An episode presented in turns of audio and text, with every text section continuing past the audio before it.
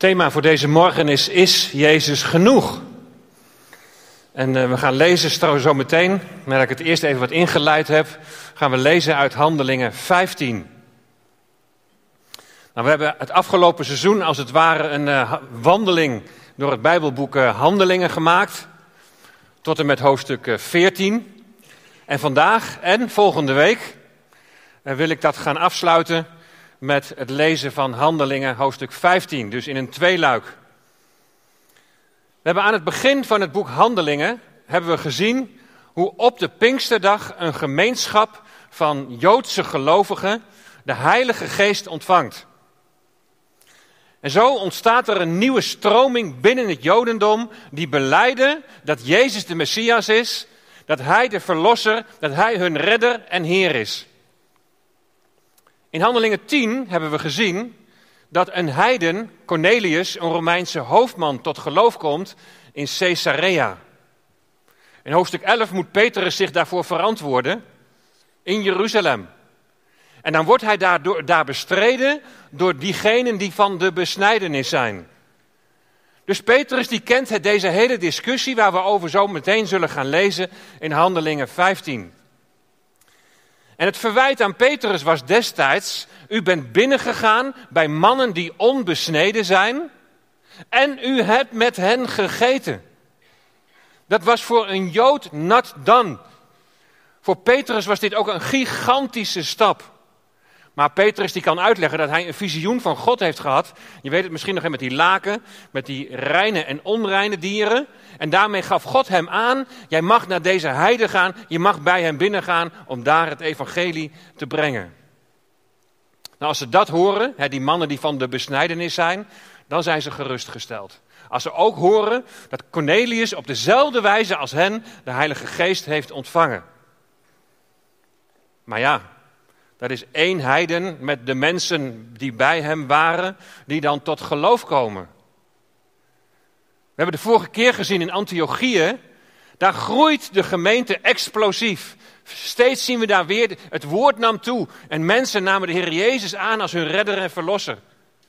Tijdens de zendingsreis van Paulus en Barnabas komen vele heidenen tot geloof.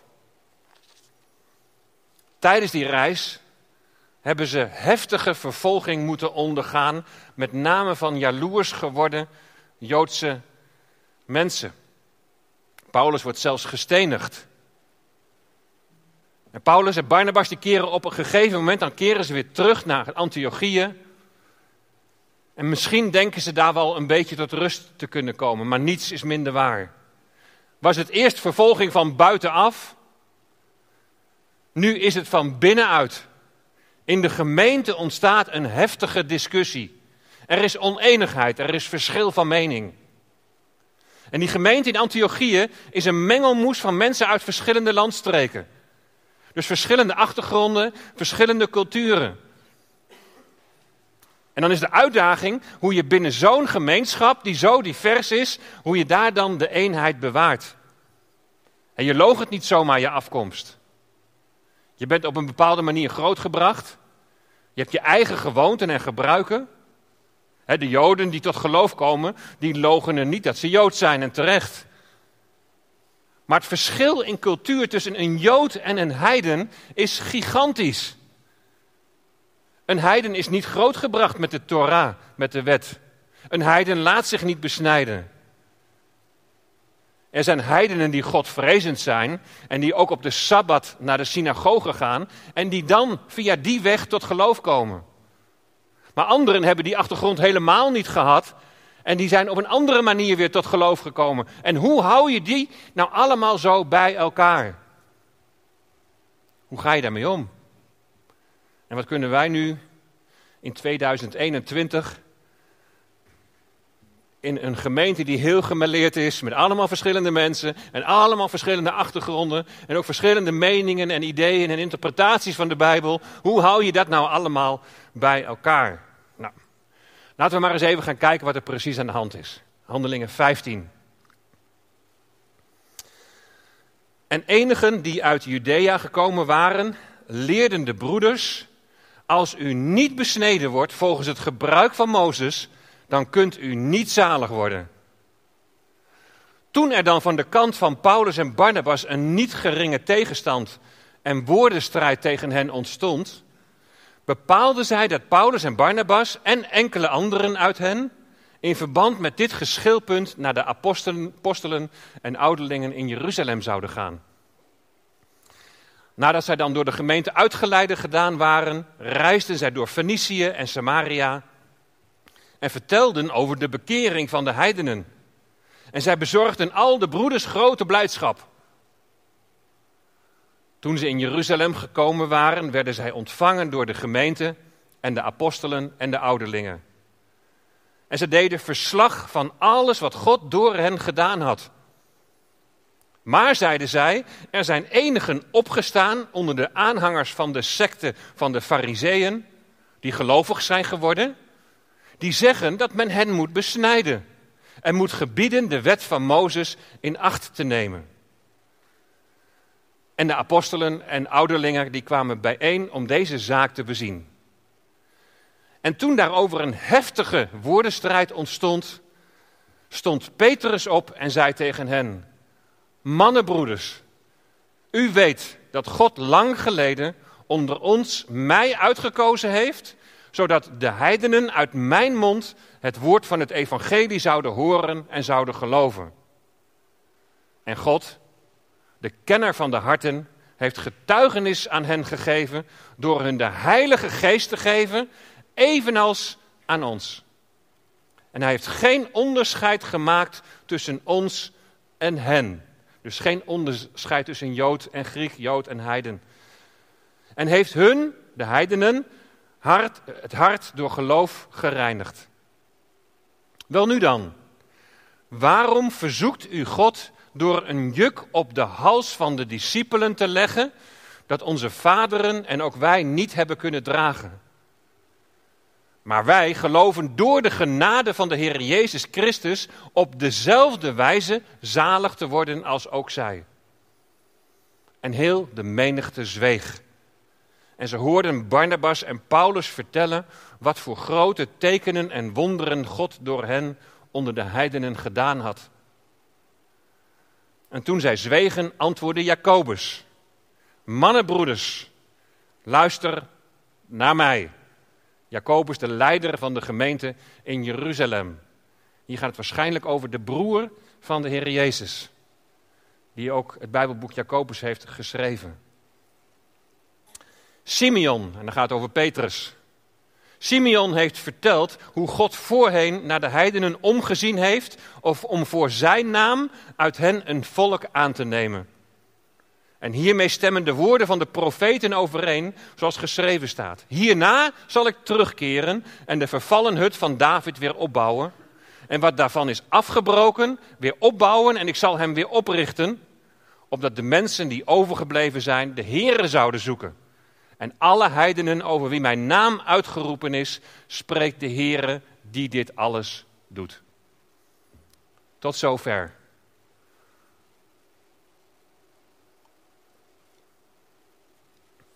Handelingen 15. Het is het scharnierpunt in het boek Handelingen. Een ontzettend belangrijk hoofdstuk.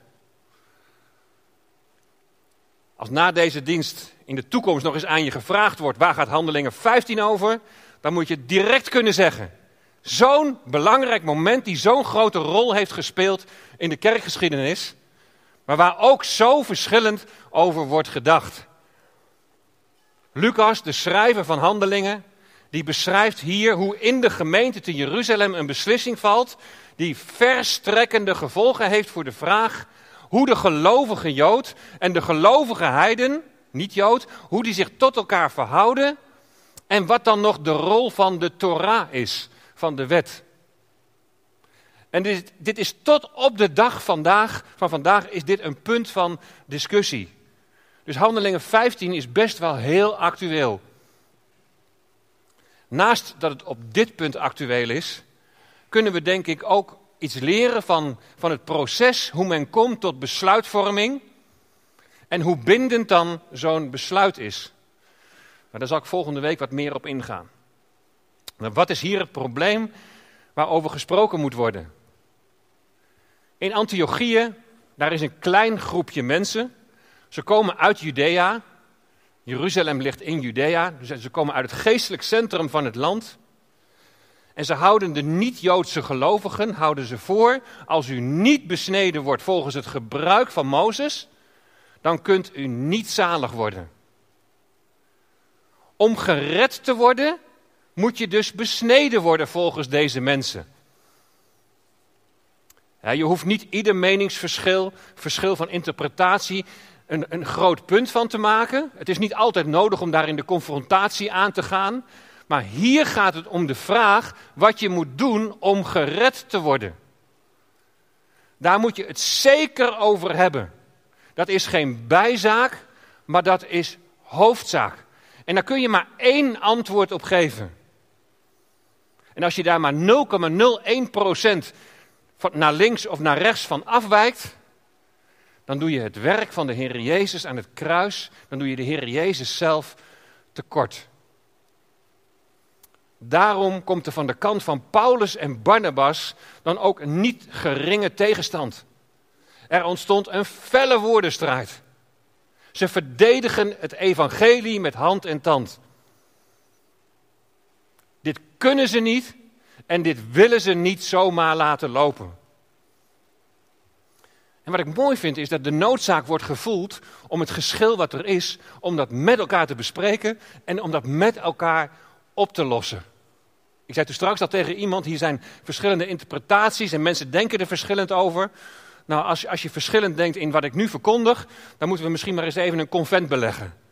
En het met elkaar er nog eens even over hebben. Zoals dat ook hier gebeurt. Ik vind het zo mooi dat de noodzaak wordt gevoeld om, als er geschil is, om daar met elkaar aan tafel te gaan zitten en er met elkaar over te spreken. En, en wat zegt het woord?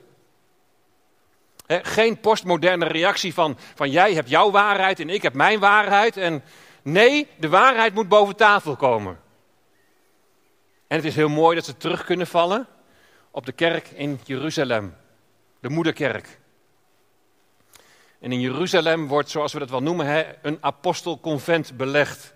Een vergadering met de apostelen en de oudsten. En Paulus en Barnabas die gaan dan even onderweg. En om even te schetsen wat zij daarvoor over hebben om die vergadering bij te wonen. Ze komen dus uit Syrië, uit Antiochieën. En leggen een reis af van meer dan 600 kilometer naar Jeruzalem. Nou, dan moet je er wat voor over hebben. En onderweg reizen ze door Fenicië, het huidige Libanon. daar wonen ook al veel Joden die tot, tot geloof zijn gekomen. Ze gaan dan zuidelijker door Samaria, naar Handelingen 8. Ook daar zijn gelovigen. En daar vertellen ze dan heel enthousiast het werk dat God heeft gedaan onder de heidenen. Dat velen tot geloof zijn gekomen. En als ze dan in vers 4, als ze daar zijn aangekomen in Jeruzalem, dan doen ze ook daar hun verhaal wat God door hen heen heeft gedaan. En wat is dan het probleem dat besproken moet worden? Nou, we lezen in vers 5 dat onder de stroming van de fariseeën er een paar gelovigen zijn geworden. Maar zoals ik al zei, je neemt altijd iets van je achtergrond mee. En daarom is het best belangrijk om even iets meer van die fariseeën te weten, zodat je ook weet waarom ze reageren zoals ze reageren. En dat is soms van elkaar ook zo belangrijk om dat even te weten. Hey, wat is eigenlijk jouw achtergrond? Dan kan ik misschien iets meer begrijpen waarom je reageert zoals je reageert. Die stroming van de fariseeën, die is in een bijzondere periode ontstaan. Eigenlijk tussen het Oude en het Nieuwe Testament. Eigenlijk na de ballingschap in Babel. En de Torah, die was hen heilig. Maar ze voegden er allerlei eigen overleveringen aan toe, geboden en verboden. En eigenlijk had dat te maken met een stukje angst en onzekerheid. Want aangezien na die ballingschap de beloofde, het beloofde geestelijke herstel niet aanbrak, dan werden ze wat onrustig. En werden ze zo strikt in de leer, omdat ze niet nog een keer die situatie van die ballingschap wilden meemaken. Dus er komt een, een hele sterke nadruk op het strikt naleven van de regels, om God toch maar gunstig te stemmen. Uit deze stroming komen dan mensen tot geloof in de Heer Jezus. Maar zoals ik al zei, je achtergrond verlogen je niet. Het was voor hun een cultuurschok om zo ineens een relatie te hebben met heidenen en met hen samen dat gemeenteleven te beleven. En met hun achtergrond van een doorgeslagen levensheiliging, met zelf opgelegde geboden en verboden, konden die onreine heidenen er niet zomaar bij horen. Zij zeggen nee, ze moeten besneden worden. Ja, waarom? Ook dat heeft natuurlijk een betekenis. Dat komt niet zomaar uit de lucht vallen. En dan is het ook van belang dat we even iets meer van die besnijdenis weten. Hier staat wel in vers 1 dat ze zich moeten laten besnijden volgens het gebruik van Mozes, maar ze bedoelen daarmee volgens de wet. Maar de besnijdenis dateert al van eerder, al in de tijd van Abraham. De opdracht van de besnijdenis die vind je terug in het sluiten van het verbond van God en Abraham in Genesis 17. En vanaf dat moment moeten alle Joodse jongens van acht dagen oud, die moeten worden besneden. En niet alleen de jongetjes trouwens, ook de slaven en de vreemdelingen, die worden opgenomen in Israël, die moeten worden besneden.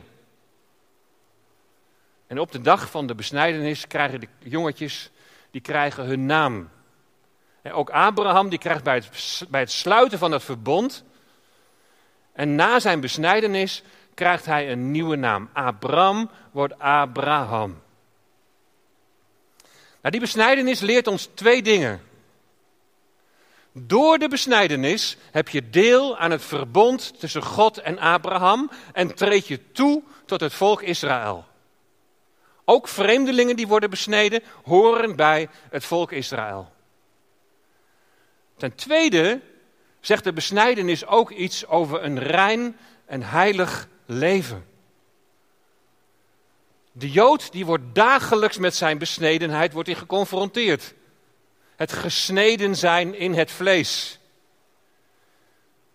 En het is bedoeld als een permanent teken dat hen eraan herinnert dat, vlees, dat het vleeselijke teniet gedaan moet worden en dat je Gods naam moet heiligen in je leven door heilig te leven.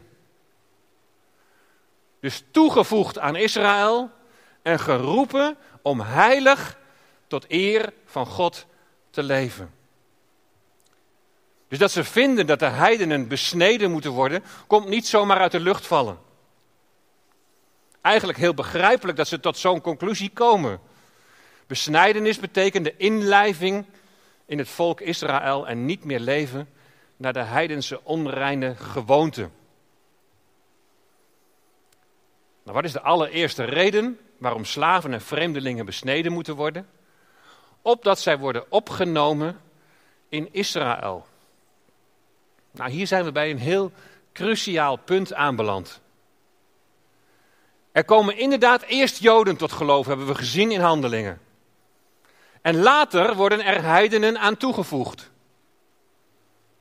Maar worden die heiligen, of die heidenen, die toegevoegd worden, die tot geloof komen, worden die aan Israël toegevoegd? Ik hoor mensen wel eens zeggen: wij zijn nu Israël.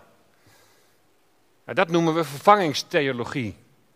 Je zegt dan dat de gemeente in plaats van Israël is gekomen. En waar je in het Oude Testament of het Nieuwe Testament dan leest over Israël, moet je nu lezen de gemeente. Je kunt dan ook heel veel uit het Oude Testament kun je niet meer letterlijk nemen. Je moet allerlei zaken moet je gaan vergeestelijken.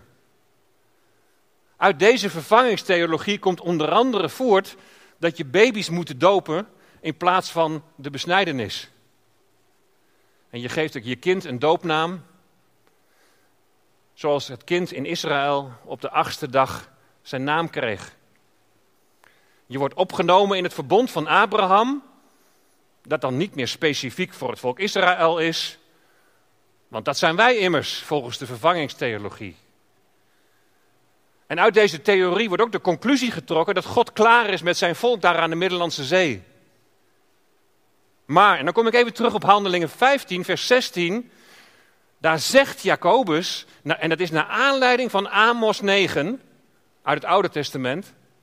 Daar zegt hij dat God zal terugkeren en dat hij de vervallen hut van David weer zal opbouwen. En dan gaat het over het herstel van Israël. In Romeinen 11, daar staat die retorische vraag: Heeft God zijn volk dan verstoten? En dan staat er volstrekt niet. De rol van Israël is niet uitgespeeld. God zal hen geestelijk tot leven wekken en hij zal hen herstellen. Ik hoor mensen ook nog wel eens zeggen: wij zijn geënt op Israël. En dat wordt dan ook gezegd, ook naar aanleiding van Romeinen 11. Waar staat dat wij geënt zijn op de edele olijf.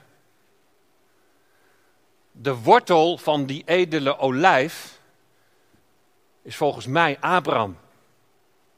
En de sappen die door deze edele olijf stromen, die staan voor de rijkdom die Israël heeft ontvangen.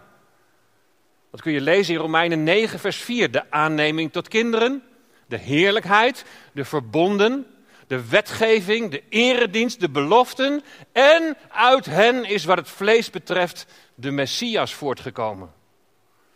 Dat is die rijkdom, dat zijn die rijke sappen die door de boom stromen. Zijn wij op Israël geënt en dus ook op deze rijkdom? Ja, dan snap ik wel de eis van de besnijdenis, want de wetgeving die staat er ook bij. Maar we zijn niet geënt op Israël. De wortel is Abraham. Wij zijn geënt op het zaad van Abraham. En dan zaad met een hoofdletter Z. En dat is de Heer Jezus Christus. En al die sapstromen die je daar ziet staan, die zijn in Christus vervuld. Door geloof in Hem word je een kind van God. Door Hem aangenomen, door Hem geadopteerd. In Hem is Gods heerlijkheid geopenbaard. Jezus Christus die door zijn geest in ons woont. De verbonden, ik heb daar al eens een hele serie over gedaan in de prediking, die wijzen allemaal heen naar die komende, naar de Heer Jezus, naar de Messias. Neem bijvoorbeeld de wetgeving, die is in Christus vervuld. Hij is onze eredienst. Jezus Christus staat centraal, zou centraal moeten staan in onze dienst aan God. En beloften, ze wijzen allemaal heen naar Hem. En dan zijn er nog beloften die nog letterlijk openstaan ook voor het volk Israël. We zijn niet geënt op Israël, we worden niet opgenomen in Israël, we zijn geënt op Christus Jezus, de Messias. Dus een besnijdenis is niet nodig. Het is niet nodig om in Israël te worden opgenomen en zeker niet in relatie tot de besnijdenis. En als Paulus en Barnabas zich verdedigen, dan krijgen ze steun van Petrus. In vers 9 dan herinnert hij aan dat moment dat hij zag dat Cornelius en de zijnen de Heilige Geest hadden ontvangen. En dan zegt Petrus twee hele belangrijke dingen. Vers 9, God heeft geen onderscheid gemaakt tussen ons, Joden, en hen, niet-Joden, en heeft hun hart door het geloof gereinigd. Dus reiniging van het hart door geloof alleen. Niet door goede werken, niet door het houden van de wet, niet door de besnijdenis. Maar het hart gereinigd van zonde door geloof alleen. Geloof in de Heer Jezus Christus. Ten tweede, vers 11, wij geloven door de genade van de Heer Jezus Christus op dezelfde wijze zalig te worden als zij. Joden en heidenen zijn voor hun behoud niet aangewezen op werken van de wet, maar op de genade van de Heer Jezus Christus. Zij worden op dezelfde wijze zalig, ze worden op dezelfde wijze worden ze gered. Wij heidenen zijn niet in de plaats van Israël gekomen, dus wij zijn niet Israël en we zijn ook niet geënt op Israël. Maar hoe zit het dan wel met die verhouding van Jood en Heiden? In Efeze 2, vers 14, daar kun je lezen dat Jezus de Messias beiden één heeft gemaakt. En dan staat er in het vervolg van vers 15 dat hij die twee, Jood en Heiden, in zichzelf tot een nieuwe mens heeft gemaakt. Wij zijn door geloof in de Heer Jezus niet Jood geworden. En de Joden zijn door geloof in de Heer Jezus niet Heiden geworden. Ze zijn beiden in Christus een nieuwe schepping geworden. En ze hebben beiden door één geest hebben ze toegang tot de Vader. Wat wij als heidenen niet moeten vergeten, is waar onze roots liggen. Als je dat bedoelt met geënt zijn op, dan ben ik het helemaal met je eens. De Bijbel is een door en door Joods boek. Jezus was Jood. De eerste gelovigen waren Joods. Wij zijn erbij gekomen. En volgende week zullen we dan zien wat er van die heidenen wordt verwacht.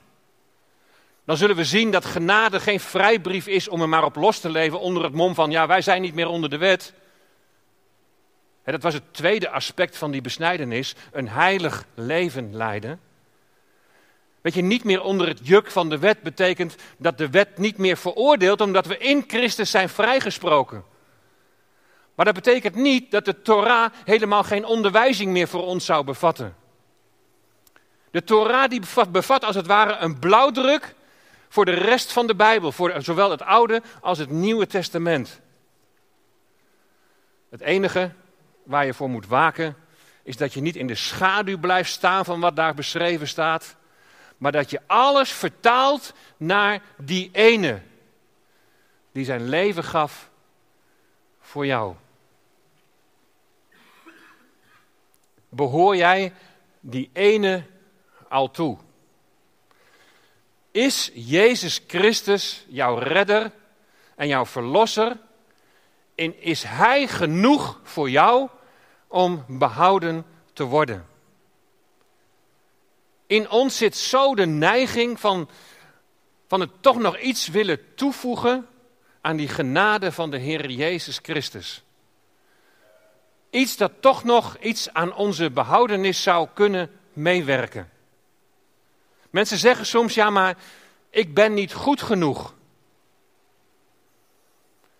Daarmee zeg je dat je eigenlijk zelf nog iets moet toevoegen om die behoudenis te bewerken. Dan doe je het werk van Christus aan het kruis, dan doe je Hem, doe je tekort. Hij is juist aan het kruis gestorven omdat wij tekort schieten, omdat wij niet goed genoeg zijn. Als we zo meteen nemen van brood en van wijn, dan dringt het, hoop ik, door. Hij is genoeg. Hij zei aan het kruis: Het is volbracht. Niet het is volbracht en dan een komma, maar dan verwacht ik nog wel dit en dit en dat van je. Een pittige vergadering in Jeruzalem. Maar er stond dan ook iets op het spel. Het ging over behoudenis, het ging over leven of dood. En er staat ook iets voor jou op het spel. Je behoudenis. En het is nu nog steeds genadetijd. Nog steeds staat de uitnodiging van de Heer Jezus om tot Hem te komen. In Hem te geloven. Om Zijn offer in jouw plaats, om dat te aanvaarden. Opdat je vergeving van zonden ontvangt en zo toegang hebt tot God de Vader. Waar zul jij zijn als dit aardse leven voorbij is? Ik zag eens op een grafsteen staan, thuisgekomen. Maar wat is jouw thuis? Wie zal jouw thuis zijn na dit leven? Hoe zal straks, daar ging het de vorige keer over, de opstanding uit de doden, hoe zal jouw opstanding zijn? Ten leven of ten oordeel? Bij wie zal jouw thuis zijn als Jezus eerder komt dan dat jouw aardse leven voorbij is? En dat moment kan wel eens heel dichtbij zijn. Als we naar de wereld en als we naar de gebeurtenissen om ons heen kijken. Bij wie zal jouw thuis zijn? Bij de Heer Jezus, bij wie je toegang hebt tot God de Vader? Als jij die ene, als je de Heer Jezus, de Messias, niet toebehoort, zul je zijn bij zijn tegenstander, de duivel, die voor eeuwig verloren gaat. En meer smaken zijn er niet. Er is geen grijs gebied. Kom in het besef dat je een zondaar bent en dat je verlossing nodig hebt. En voor die verlossing is de Verlosser, is de Heer Jezus genoeg. Hij is genoeg voor mij. Hij is genoeg voor jou. Er is een Verlosser. Jezus, Zoon van God. Kostbaar lam van God Messias. Heilig God is Hij. En vanuit die verlossing is het uitzien naar die dag dat de Heer Jezus komt. Ja, de dag zal komen dat ik Jezus zie. We hebben het lied net al gezongen. Maar we gaan het in voorbereiding op het avondmaal gaan we het nog een keer met elkaar zingen. En als je hem nog niet kent, dan zou ik zeggen: zing dit lied als een gebed. En getuig met je hart in het zingen: er is een verlosser. En getuig dan met je hart, beleid met je hart: Jezus, zoon van God, kostbaar lam van God Messias, heilig God is Hij. Je kunt redding niet verdienen, want Jezus heeft al betaald. Je kunt je redding niet verdienen, want de Heer Jezus heeft de prijs betaald, de hoogste prijs betaald. Door zijn leven te geven voor jou en voor mij. Is Hij ook genoeg voor jou? Genade kocht mij vrij. Mijn ziel juicht, halleluja. Kun je dat zeggen? Heer Jezus, u wil ik toebehoren. Red mij, verlos mij. Reinig mij van mijn zonde. En maakt u ook mij tot die nieuwe schepping. Die nieuwe schepping in Hem. Gemaakt is om tot eer van God te leven.